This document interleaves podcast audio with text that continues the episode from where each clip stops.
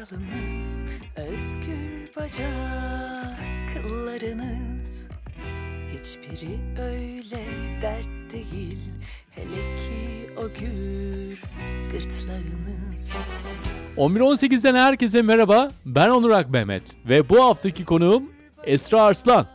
Arka fonda dinlediğiniz şarkının yazarı ve solisti. Onu size tanıtmak için Bilgi Üniversitesi Music Label altında yazdığı biyografik bilgilerden yararlandım. Şimdi ekrandan okuyorum bunları. Bir bölümde şöyle yazıyor. 26 yaşından beri profesyonel müzik yapan, queer feminist, genel ahlaksız, haymatlos, iktidarsız, dertli, neşeli müzisyen. Evet 1984'te İstanbul Göztepe'de doğdu. Kendini bildi bileli tuhaf görüyor ve çocukluğundan beri de dans ediyor, şarkı söylüyor ve hikayeler anlatıp yazıyor. Yüksek öğrenimini İstanbul Üniversitesi İngilizce işletmede yaptı. Bu üniversiteye geçiş sürecinde de aynı zamanda yoğun bir iş temposuna başladı. 17 yaşından itibaren yaptığı işler garsonluk, komilik, barcılık, restorancılık, hosteslik, tercümanlık, mankenlik, satış pazarlama derken uzun yıllar ve uzun günler geçiyor tabi 25 yaşına kadar. Bu telaş içerisinde de Esra başarı nedir, tuhaflık, aile, sanat, toplumsal cinsiyet gibi kavramları sorgulamaya başlıyor ve hayatına bu şekilde devam etmek istemediğine kanaat getiriyor. O dönemde de kendisine en ulaşılır ve tatmin edici gelen şey olan müzikle ilişkilenmeye karar veriyor. Solist arayan bir gruba gidiyor. Balkan folk rock tarzında müzik yapan bir grup. Onlarla aktif olarak müziğe başlıyor. Bir süre sonra hayranı olduğu Selim Sesler'le tanışıyor. Kendisinden solisti olma çağrısı aldıktan sonra da yurt içi ve dışında birçok yerde konserler veriyorlar. Sonra 2013 yılının o hareketli yazında 29 yaşının verdiği cesaretle bir üniversitesi müzik bölümüne giriyor yetenek sınavıyla. 4 sene sonra da çağdaş dönem besteciliği ve prodüksiyon alanlarında eğitime başlayıp bitirmiş oluyor. Bu dönem zarfında da bir mini albüm yapıyor. Bilgi Müzik Label etiketiyle yayınlanıyor. Her türlü tabii elil iktidara, buna ses çıkarma veya çıkarmama hallerine dem vuran bir albüm. Şu sıralarda da bir yandan doktora çalışmalara başlamak üzere hazırlanıyor. Bir yandan da kayıt edit mix yapıyor. Tabii vokalistlikte devam etmekte. Kendisiyle en çok tuhaflığı konuştuk. Tuhaflık ne demek dedik. E, Birçok açıdan da bunu irdeledik. Buyurun dinlemeye diyorum. Özgeçmişini okuduğum zaman o talihlilikle talihsizlik arasındaki bir yerde o Araf bölgedeysin gibi geldi. Yani e, muhtemelen herkesin başına o kadar fazla şey geliyor yani. Hani ben onu dile getirenlerden biriyim. Bir de bir yerden sonra artık talih talihsizlik, tercih tercihsizlik gibi bir şeye evriliyor ya. Yani bunlar geldi, bu veriler geldi benim hayatıma. Ben bu verileri sadece şikayet etmek için mi kullanacağım? Hani sadece olumsuz tepkilenmek için mi kullanacağım yoksa bunları bunların üstüne basıp çıkıp başka bir yere mi bakacağım falan gibi tercihler yaptım diyeyim yani. Benim için öyle oldu. Hani geldiğim yerden mutlu bir biri olarak konuşuyorum şu anda. Belki bundan 10 sene evvel böyle konuşmazdım bilmiyorum. O yüzden ya yani orayı bırakmak için zaten ee, şeye müziğe başladım. En son plazada bilgisayarın başında üç tane departmanın işini götürüyordum yani. Gözler seyiriyor. Başım dönmüş artık. Yemeklerden zehirlenmişim öyle şeylerinde, öyle aralarında. Nerede yiyordun öyle aralarında? Bayağı Şişli'nin pahalı şeylerinde, restoranlarında yiyordum. Yiyorduk mecbur. Öyle bir yerdeydi plaza. Ama onlarda da çok yani onlarda zehirlenince daha kaliteli zehirleniyorsunuz böyle. Yani hani normalde bir günde geçen zehirlenme işi bir haftaya iki haftaya yayılıyor falan. Şeyiniz kalıyor, gastritiniz kalıyor. Oradan miras. Öyle bir zengin zehirlenmesi yaşadım yani. Evet. Yani pilavcıdan zehirlenmiyorsun. Yok yani ben hiç hiç zehirlenmedim. Nohut pilav yediğin zaman zehirlenmiyorsun. Nasıl bir paradoks ya bu? Ama gerekliymiş belki ya. Yani bir şey varmış orada da bir karma var herhalde yani. O işi bırakman nasıl oldu mesela? Yani karmaya gerekliliğe yani şeylerin kötü şeyleri yaşamanın gerekliliğine pek inanmıyorum. Genel olarak inançla ilgili bir büyük bir şeyim var, problemim var belli oluyordur büyük ihtimalle. Daha rasyonel bir yerden yaklaşmayı tercih ediyorum. Olmasa daha kötü bir insan olmazdım büyük ihtimalle ya da ne bileyim yine herhalde şey yapardım. hmm, Benzer tercihler yapardım belki. Hani olasılıklar dünyası. Ama hani o olanlar da bir bir şekilde buraya gelmeme sebep de oldu bir yandan.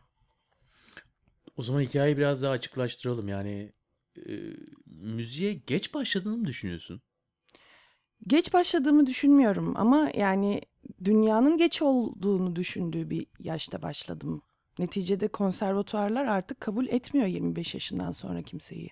Ama sen dedin ki ben eğitim alacağım diye. Sen Evet. istedin. Ya öyle Aynen. bir şey yapmak zorunda değildin. O, o gerekliliği sen kendine.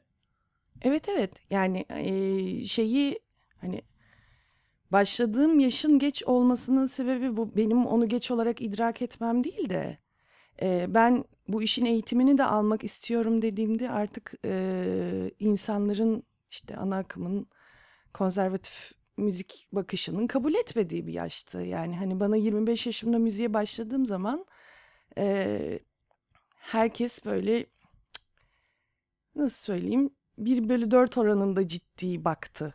Öyle diyeyim. Bir de şarkıcılıkla başlayınca bir de kadın olunca üstüne bir de queer olunca üstüne çok da ciddiye alınmadı ilk başta. Ama zamanla herhalde yine o tercihler üzerine biraz daha ciddiyet levelini, ciddiye alınma levelini arttırdık gibi bir durum oldu yani. Ya Bunlar bana biraz pozitif şeyler gibi geliyor. Hani Evet, ciddiye alınmamak bir Yani e, olumlu bir şey yani. Ciddi- Şimdi o- o dediğin kaynaklar tarafından ciddiye alınıyorsan zaten orada bir bit yeniği vardır yani demek ki. Yani e, yine onu senin nasıl karşıladığına bakıyor mevzu ya. Şey e, onların ciddiye almasını o kadar ciddiye almayıp ama bir şekilde e, şey için e, nasıl söyleyeyim? Hani bunu yaparken aç kalmamak için kullanabilirsin mesela. Yani müzik yaptığın zaman özellikle sevdiğin bir şeyi yapmaya kanalize olduysan başka e, bu işi tamamen ticari boyutta e, yapmak gibi bir şey kariyer hedefi koymadıysan e, büyük ihtimalle aç kalıyorsun. Bir de bunun üstüne tercihlerin biraz daha şey e, tuhaf bir noktada, tuhaf bir zamanlamada olunca daha da artıyor bu ihtimal.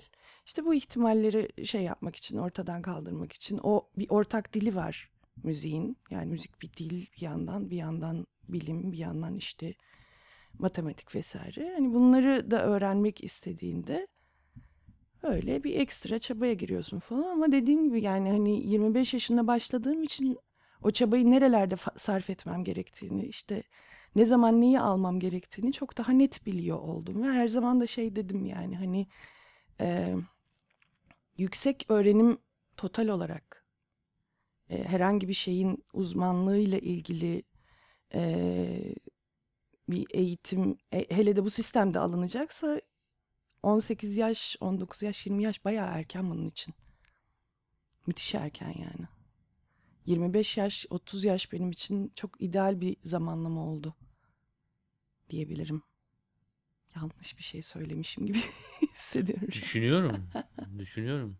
Yani ne kadarını acaba kendin rasyonalize ediyorsun madem rasyonel bir insansın. Hı hı. Ne kadarı da e, gerçekten e, öyle olarak bakılabilir benim açımdan. İkisi arasında ayrıştırmaya çalışıyorum. Hı hı. Çünkü yani öyle bir şey yazmışsın ki çok çok tatlı yani tatlı güzel bir deyim mi bilmiyorum ama e, e, sıcacık oluyor insan mesela o özgeçmiş vari bir şey yazılmış Hı değil mi? Hı hı. Doğumundan itibaren e, kinaye var içerisinde, sarkazm var yani böyle e, ama bir bende uyandırdığı bir acı da var. Yani böyle tamam hani bazılarımız belli yeteneklerle doğuyor ama sistem sana hazır olmadığı için de e, sen onun içerisinde yer almaya başlıyorsun ama e, yani olmuyor da bazen. Hani böyle şanssızlıklar da oluyor. Ee, onları geri çekmeden anlatmamın sebebi o onların çok büyük bir çoğunluğu ortak zaten.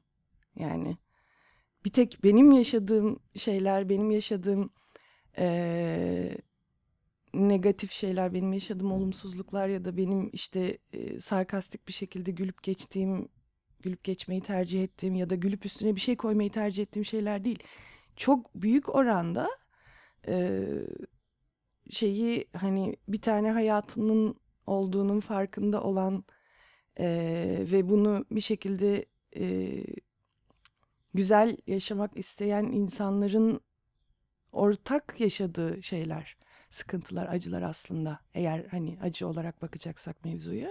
O yüzden hiç geri çekmedim. Şey gibi gelmiyor bana bir tek hani bir tek ben yaşadım böyle bir şeyi. O yüzden de böyle bir şey oldum çıktım gibi gelmiyor yani. Evet, ondan dolayı da mesela ben tam ne yaşadığını bilmiyorum. Çünkü öyle bir ortak paydayı yaratmak adına da biraz sen de yoksun orada yani. Kişi olarak illa seni orada bulamıyorum yani. Biraz da burada otururken sana baktığım zaman da yani merakımı cezbeden taraf o oluyor. Ee, gerçekten ne yaşandı? Yani ger- gerçekten hayat yaşandı. Or- orayı böyle küçük özet geçeyim. Hayır yani başarılı bir çocuk erken okuyor, okulda başarılı. O anlamda mı? Ya başarı kaygısıyla büyütülmüş bir çocuk aslında. Yani başarı e, kompleksiyle büyütülmüş bir çocuk. Bu sadece aile içinden de gelmiyor. Yani hani sistemin de getirdiği böyle bir e, şey. Ha sen yarışabiliyorsun o zaman seni sürekli şey yapalım.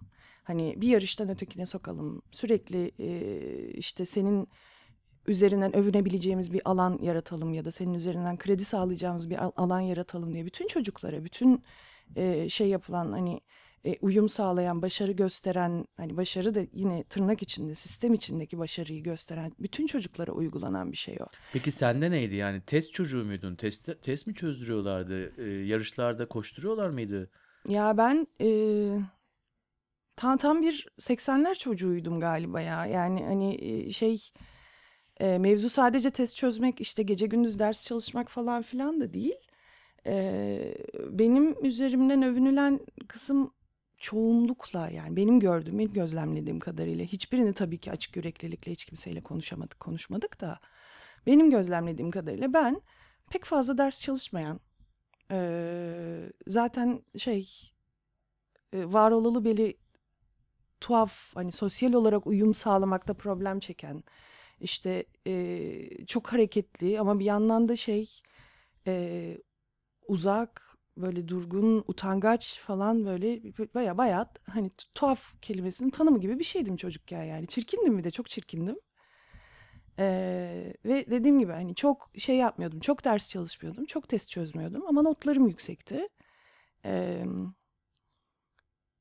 problem çözmeyi, ders dinlemeyi falan seviyordum. Yani hani ders bana eğlenceli geliyordu. Çünkü derste e, çok fazla insan etkileşimine girmek zorunda kalmıyordum. Yani orası biraz güvenli bir alandı benim için. E, özellikle ilkokulda. 5 yaşında okula başladım da 5 yaşında benim boyum uzun diye başlattılar bu arada. Yani hani Kriter o muydu? Boyun Tabii uzunluğu. tabii. Yani hani tamam tamam bu iriymiş ya bu ezilmez deyip aldılar. Yoksa kaç herhalde 8-9 okul dolaştık yani. Hani duramıyorum evde tutamıyorlar. Ee, hani sürekli ya bir şeyler okuyorum sürekli koşturuyorum. Şeyim hani hareketliyim apartmandayız apartmanların yeni çoğaldığı zamanlar her taraf beton falan filan. Hiperaktif bir çocuk muydun? Ee, şeyi yok ee, hani formal bir teşhisi yok. Ha tamam. Ama yani bugünden bakınca o tanıma uyuyordum öyle diyeyim. Yani O zaman yerinde duramayan deniyordu.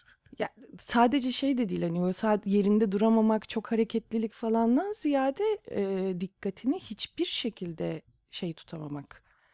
E, sabit sabit tutamamak hali. Sürekli bir sakarlık, sürekli bir anlamama hali yani etraftan gelen veriyi bir türlü şey yapamama, çözümleyememe, hayatını oturtamama, e, işte çocuk aslında manipülatif bir şeydir, e, yaratıktır. Onu o alanda kullanamam o yüzden hep ya ben acaba kimse beni sevmeyecek mi? Acaba hep yalnız mı kalacağım falan kaygısıyla yaşayan bir şeydim yani.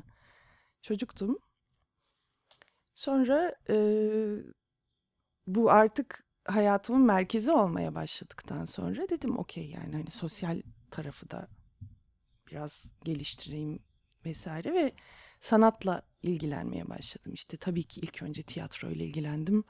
Daha sonra işte e, müzikle ilgilendim vesaire falan ama e, fen matematik alanında çok başarılı olduğum için o alandaki başarımın aman başına bir şey gelir diye pek de e, destek görmediğim gibi bir de şey de oldu. Yani hani geri çekme hali de oldu. Çok bölüyorsun kendini yapma öyle şeyler falan gibi şeyler de oldu. Bu öyle çok büyük bir dram değil yani bu sonraya sarkan e, farkında olmadan özgüvenimize deledikleri bir alan. Yani ben hiçbir zaman şarkı söyleyebildiğimi düşünmedim. Hiç yani e, müzik kulağım olduğunu da düşünmedim mesela. Yani öyle bir şey hala ne kadar var emin değilim. Hani bilimsel olarak yetenek yerine de arzuyu tercih ediyorum çünkü. Ee, sanatın hiçbir dalına yeterli olabileceğimi hissetmedim.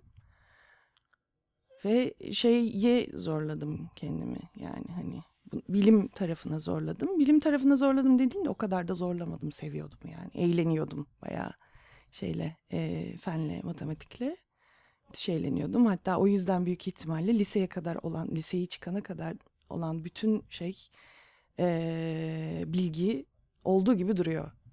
Hiçbir yere kıpırdamadı. Yani hala optik problemlerini, hala elektrik problemlerini, devre problemlerini çok rahat çözebiliyorum falan. Öyle bir şey oldu, öyle bir etkisi oldu. Çünkü severek yaptım bir yandan ama bir yandan da şeyi istiyordum yani. Sanatla da ilgilenebiliyor olmak istiyordum içten içe ama öyle kendim Sosyal kendime anksiyete yani. devam ediyor muydu yani bu yıllar boyunca? Ee, versiyonları devam ediyordu diyeyim. Yani liseyi çıkana kadar. Yani bir yandan ailevi problemler de vardı. Onun da etkisi vardı falan ama sosyal anksiyete hep hep vardı şeye gelene kadar. Ee, çalışma hayatına girene kadar diyeyim. Yani 16 yaşında tam gaz şeye girince hani ekmek kazanmak üzere çalışma hayatına girince böyle hani part time kendimi geliştireyim işte network yapayım falan filan gibi bir yerden değil. Bodoslama girdiğin zaman. Yani bayağı hani eve, eve bir şey gel- gelmesi lazım. Eve para gelmesi lazım yani. Şey değiliz. Öyle varlıklı bir aile değiliz. Öyle az varlıklı bir ailede değiliz yani. Ee, o zaman. Öyle oraya girince ee, o bir yerden sonra sosyal anksiyete anlamsız gelmeye başladı. Anlamsız gelmeye başladı. Sonra şeye kadar işte 25 yaşıma kadar totalde kaç kaç tane yazmışım saymadım ben de 13-14 çeşit işte çalıştım. Ya yani. evet işte komilik, barmaidlik falan onlar onları diyoruz değil mi? Aynen aynen. Barmaidlik, komilik, mankenlik, eee, pazarlamacılık, işte kurumsal pazarlama, işte eee, şey plaza çalışanlığı, bireysel pazarlama, direkt marketing yani hani kapı kapı pazarlama falan. Ding dong ben geldim. Anket manket her şey yani. Promosyon çok çok hani hazır boy moy da varken hafif presentable tipken. Liseye çıkınca çünkü şey oldum bir modifiye etti annem beni. Öyle bir klişe Yeşilçam tarafı da var. Liseye çıkana kadar ciddi anlamda şeydim. Ee, böyle ana akım güzelliğin yakınından geçmiyordum. Yani bayağı dediğim gibi çirkin bir çocuktum dediğim bayağı liseye çıkana kadar devam ediyor yani. Tamam liseye çıkana kadar, lise bitene kadar çirkin bir çocuksun. Oradaki modifikasyon nasıl oluyor? Yani e, İşte kl- klişe kaşlar alınıyor efendim. ve e, bunlar anne e, aracılığıyla başlıyor ilk. Ya anne, çevre, Çevre. e, şey de artık yani hani e, daha sosyal olmaya başladığınızda o sosyal tarafın yarattığı bir şey var. E, bir baskı var, bir toplumsal güzellik baskısı var yani hani bu e, görmezden gelinebilecek gibi bir şey değil yani. Lisede şeyle kıyafetimle dalga geçildiği zaman üf zaten şeyim e, zaten okulun ineğiyim, başarılıyım falan tuhafım. Lisede tuhaf olmak gerekir zaten aykırıyım vesaire deyip onun üstesinden geliyordum ama çalışma hayatında öyle bir lüksünüz yok yani. Yani ba- bana patronum Esra da- daha ne kadar saçmalayacaksın görüntü konusunda merak ediyorum diye bir şey verdi yani brief verdi. Onun üzerinde yapılabilecek bir şey yok. Bu bir de direkt söylenenler, bir de direkt olmayanlar var. Böyle bir eee, o ana akım fenotipe sahip olmadığınız için tercih edilmeme halleri ve bunu sonradan sonradan anlama halleri var yani. Hani bildiğimiz tipik kadın üzerindeki şeyler. Ee, ne derler? Olması gerektiği düşünülen. Ama İşte- bunlardan geçerken mesela o modifikasyon olurken e, çevre, annen veya işte e, e, güzel kriterlerin bir kısmını entegre ettiğin zaman illa bu da böyle travmatik bir deneyim değil mesela sende öyle bir şey almıyorum. Ya ve bütün her şey travma da bu kötü olan travmalardan değildi yani. Harika bir cevap. Harika bir cevap. Yani şeyi hatırlıyorum. Ee, Çok gülüyorum da hala hatırladıkça yani. 17 yaşındayım. Ee, kuaförden çıktık. Annem o zaman bir kuaförde çalışıyordu. İşte yeter artık deyip beni bir torna tesviyeye soktu orada falan. Ve kuaförden dışarı çıktım. Durup durup aynaya bakıp bir yabancı ile karşılaşıyorum.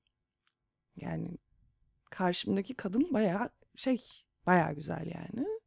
Ve aynaya bakıyorsun ve ben güzelim mi diyorsun kendine? Ben güzelim diyemiyorum o zaman işte yani hani gö- gördüğüm tip güzel ve o zamana kadar e, şey yapmadığım e, karşılaşmadığım bir tip. Yani aynaya baktığımda onu görmüyordum bir 17 senedir falan ve şey demiştim yani ya ben buna alışırsam da işte şey yaparsam of çok büyük it- itiraf bu sonradan kesmenizi rica ederim. ben. Ama yok o, o- o- Şaka neyse. şaka şaka. Yani ben ben e, buna alışırsam ve bununla tembelleşirsem diye bir kaygıya girmiştim. Zihnen tembelleşirsem diye bir kaygıya girmiştim. Yani daha sonra onun e, yine hani edindiğim başarı kompleksiyle, zeka kompleksiyle alakalı olduğunun analizini yapıp falan üstesinden geldim ama o, o, o gün onu demiştim ciddi ciddi yani. Öyle bir şey o e, Ama çok mantıklı geliyor. Mesela söylediklerim bana çok mantıklı geliyor. Yani işte dediğim gibi o şeyi eee, bütün ergenlik boyunca çoğu hayatın çoğunu kendi içinde yaşamış olma alışkanlığı ve bu için eee, dışa dönük bir şeyinin hani dışa dışa dönük bir değer de bulmuş olması hani artık insanlar bana baktığında beni görüyor ya da insanlar etrafa baktığında beni görüyor. Ben artık görülüyorum sürekli, fark ediliyorum sürekli gibi bir şeye geçilmesi o iç dünyadan eee, bir afallatıyor ciddi anlamda yani.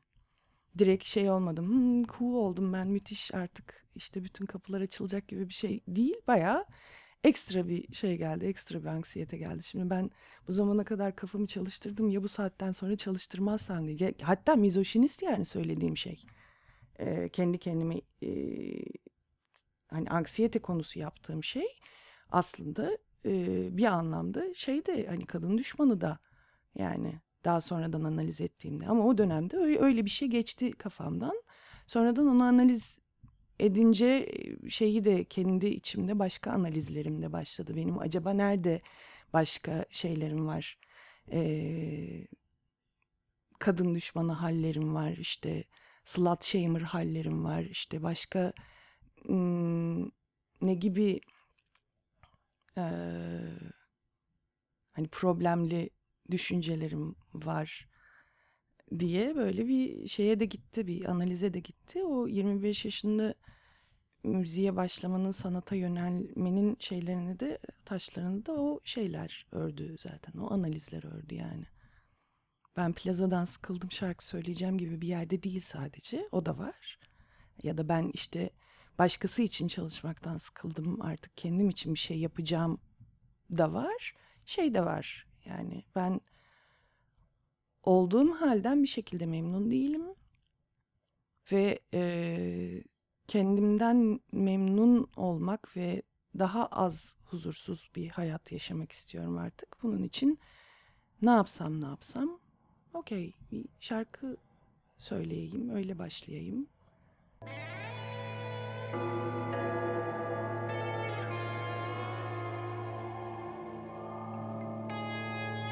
Pes ediyorum.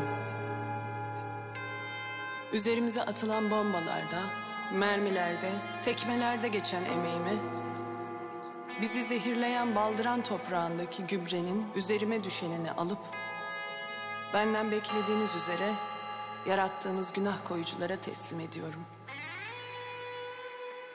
Temizlendim, normalleştim. Ellerimi yıkadım, bizi tahrik edecek neyim varsa kapadım.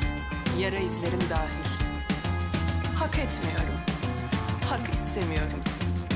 Şarkılanmayacak sözler, eğlendirmeyecek sesler çıkarmayacak, düzenle devinmeye takoz olacak sazlar yapmayacağım. Pes ediyorum.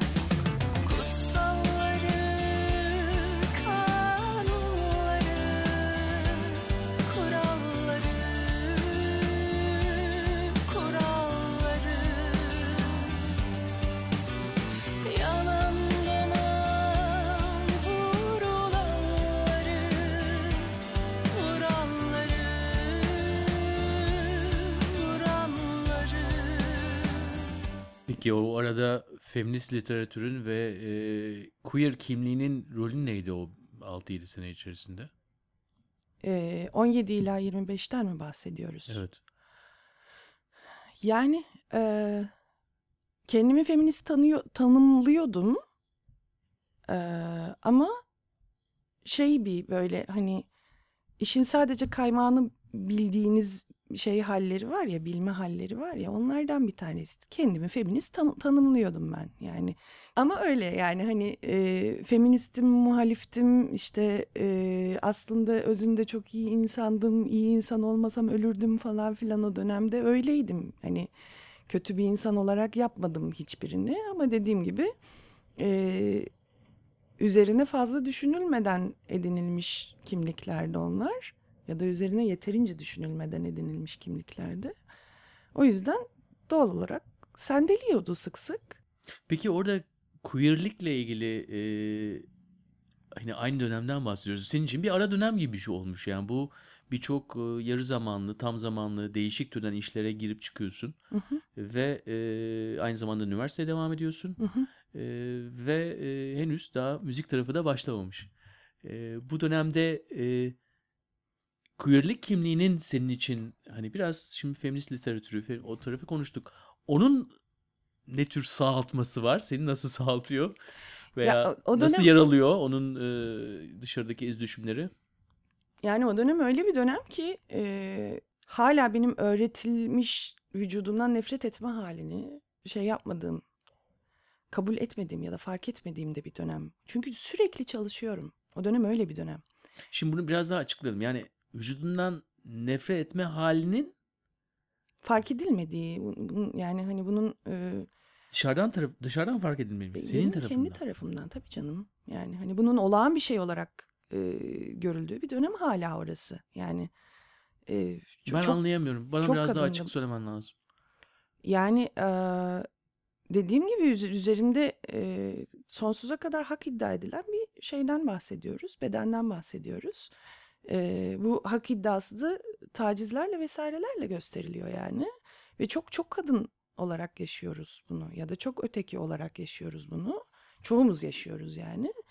Ve eee, bunun ilk şeyi eee, ilk karşılığı aslında vücudunun eee, saklanması gereken yani hani üstüruplu şey yapılması, gösterilmesi gereken bir meta olduğu üzerine bir algı gelişiyor. Fark etmiyorsunuz bile bunu. Bu olağanlaşıyor yani.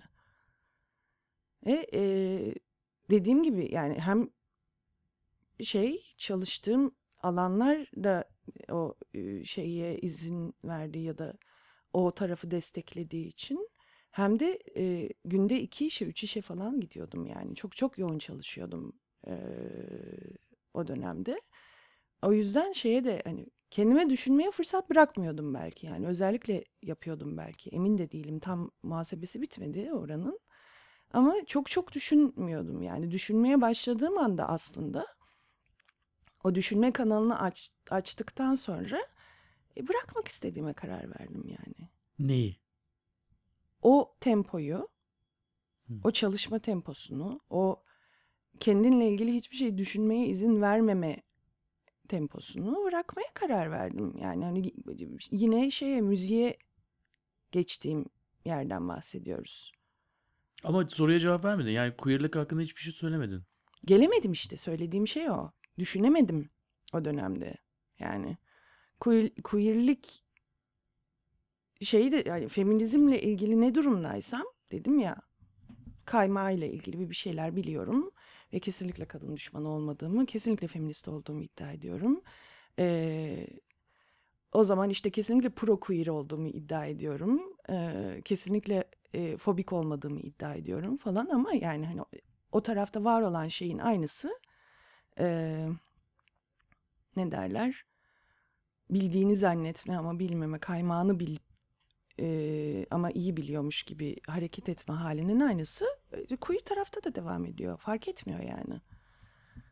Öyle e, sonradan işte dediğim gibi e, bir, bir taraf hani feminizm nasıl şey yaptıysa yol aldıysa onunla paralel olarak queer tarafta yol almaya başladı. Bedenimle e, ilişki kurmaya başladım. E, bedenimden korkmamaya ya da bedenimden utanmamaya yavaş yavaş tabii bunların hepsi. Bunların yollarını aramaya bulmaya başladım. İşte bununla ilgili e, paylaşımlar yapabileceğim insanlar tanımaya başladım. E, böyle alanlarda daha çok var olmaya başladım. Böyle alanları eleştirebilmeye başladım. Böyle alanlarda eleştiri alabilmeye başladım falan. Bu öyle şey yaparak e, ne derler? Katlanarak yürüdü gitti öyle diyeyim. Gidiyor hala da bir yandan yani. Dünyada öyle dönüştüğü için her şey ben de dönüşmeye devam ediyorum. Neticede. Ama ne kadar güzel bir böyle yatak gibi. Yani o müziğe daha profesyonel anlamda girme döneminde yani okullu olma ilk başta ve müzikle biraz daha para kazanır hale gelmende. Yani bu bu, o bunlar bir yatak gibi oluşturmuş. Yani e, yani queerlik, feminizm tarafı böyle bir ne bileyim Tabii tabii müthiş bir destek, destek alanı. yani evet. Yani bayağı şeyi kendinizi sevebilmeye başlamak omurganızı düzeltiyor öyle diyeyim. Yani hani kendinizden memnun olmaya başlamak, memnun olacağınız olacağınız bir kendiniz üretmeye başlamak bayağı omurganızı düzeltiyor. Daha eee, az yorularak yürümeye başlıyorsunuz. Daha yaralarınız biraz daha hızlı iyileşiyor ya da daha az iz bırakıyor falan yani. Bunlar yalnızca metaforik olarak değil tabii. Yani bir e, vokalist için tabii Gerçek gerçekten karşılığı- iskeletini düzeltiyor yani. gerçek bir karşılığı var tabii canım yani hani e, geç, geçmişten bilen arkadaşların beni sahnede izledikten sonra bir- birebir söylediği şeydir bu yani hani normalde şey yürürüm ben ergenlik döneminden de kalma böyle bir memelerimizi gizlediğimiz bir dönem var ya ya da işte erkeğe ne kadar benzersek o kadar az yarı alırız dediğimiz bir dönem var falan oradan kalma kambur yürürüm yamuk yürürüm yani. Ne zaman sahneye çıksam o postür dimdik verir birden.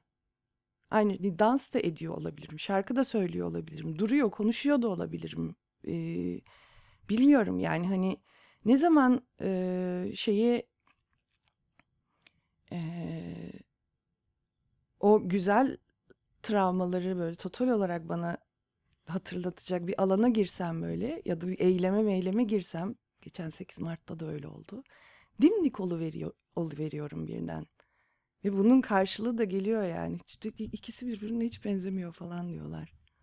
Yani geçmişteki tanıdıkları e, şeyle Esra ile falan. O yüzden evet yani birebir şeyi de var. Birebir karşılığı, fiziksel bir karşılığı da var. Evet tabii bir de hani boynu saklamak da olabilir. Yalnızca hani memeleri içerik almak değil, Tabii. boynu da saklamak var orada. Uzun boylu birisi olduğun için. Evet evet var yani bayağı. E, O işte bedenle ilgili seç beğen al. Evet. Yani şeyden azade değiliz. Ee, ne o?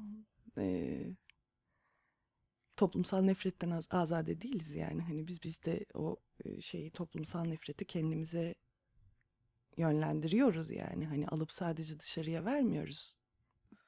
Eğer e, şey gibi bir yerde büyüdüyseniz yani hani beden eee, kesinlikle bizim izin verdiğimiz kadar teşhir edilmeli. Be- Beden sürekli şey gizlenmesi, saklanması gereken bir şey gibi bir şeyin içinde büyüdüyseniz bunu kendinize de yönlen yöneltiyorsunuz yani hani o toplumun içinde olduğunuz için sadece dışarıya vermiyorsunuz bunu sadece. Ben senin bedenin hakkında şeyde bulunmuyorum.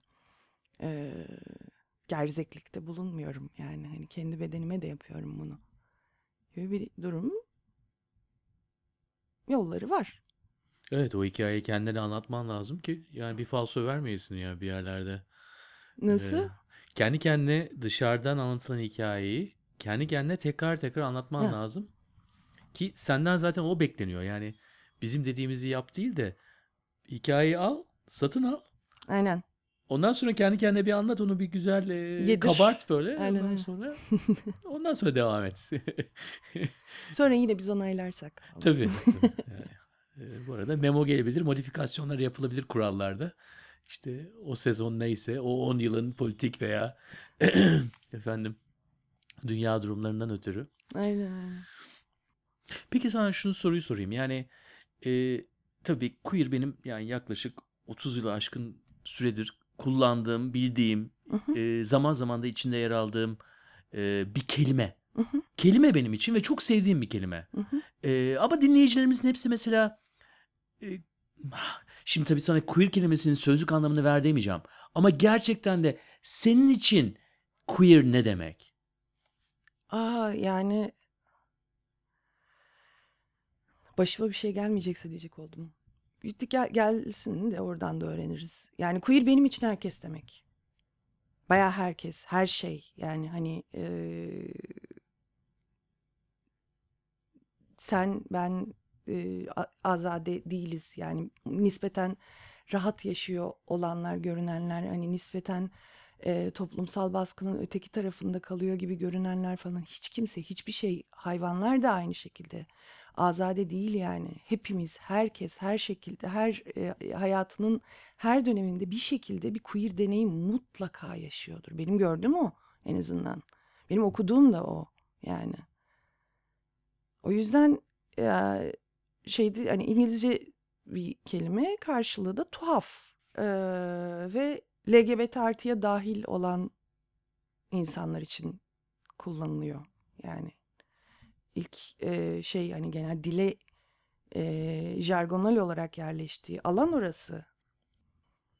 Peki e, beden imajına gittiğimiz zaman şu an sahnede kendini nerede görüyorsun? Bedenini kullanmanda, e, senin kendini bedenin içerisinde nasıl hissettiğinde sahnenin nasıl bir rolü var? Sahnenin iyileştirici bir rolü var ya eğer onu sorduysan E, ve şey e, sahnede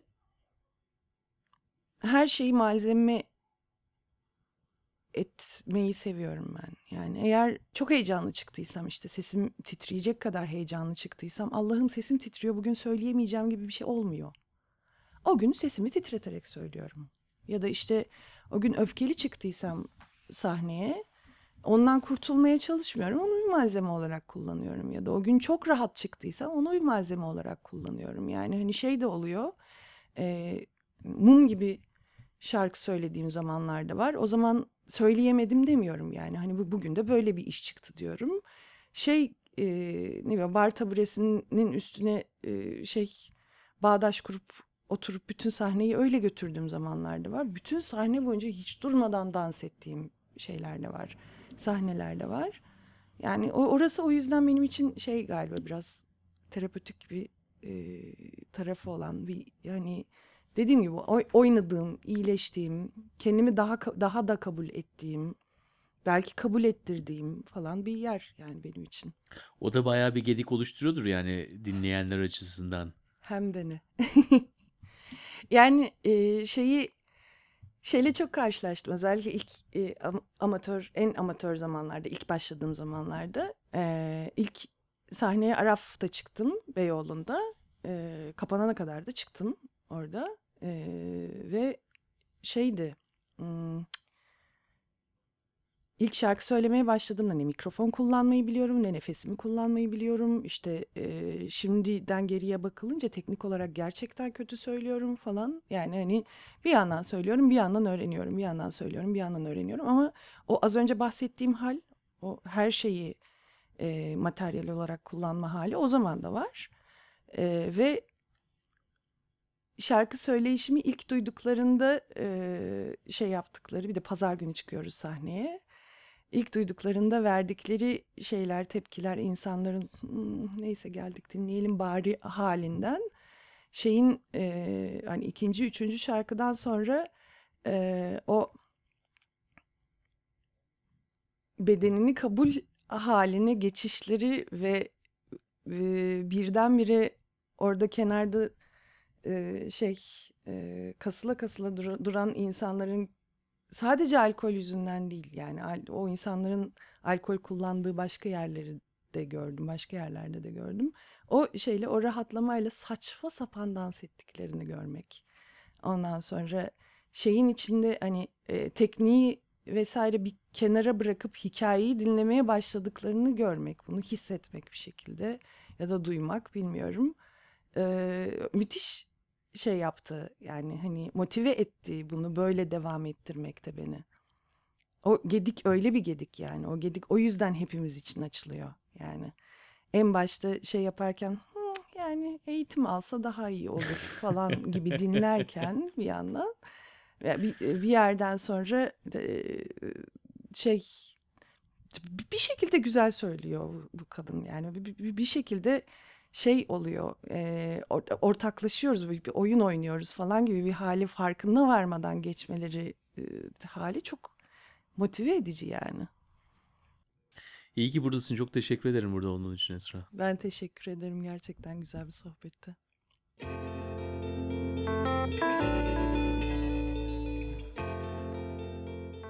Queer, tuhaf, garip.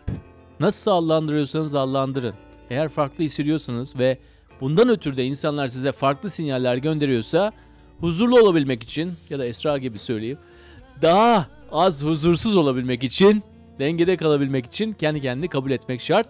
Her halinle ve olduğun şekliyle dışarıdan gelen olumlu veya olumsuz sinyallerden bağımsız olarak şimdi ne kadar zor bunu biliyorum ama herkes için de değil en azından bu podcast'i dinleyenler için iyi bir yol olduğunu da biliyorum. Queer olmanın da doğru bir yolu yok. Bunu da unutmayın. Esra'ya hikayesini bizimle paylaştığı için çok teşekkür ederim.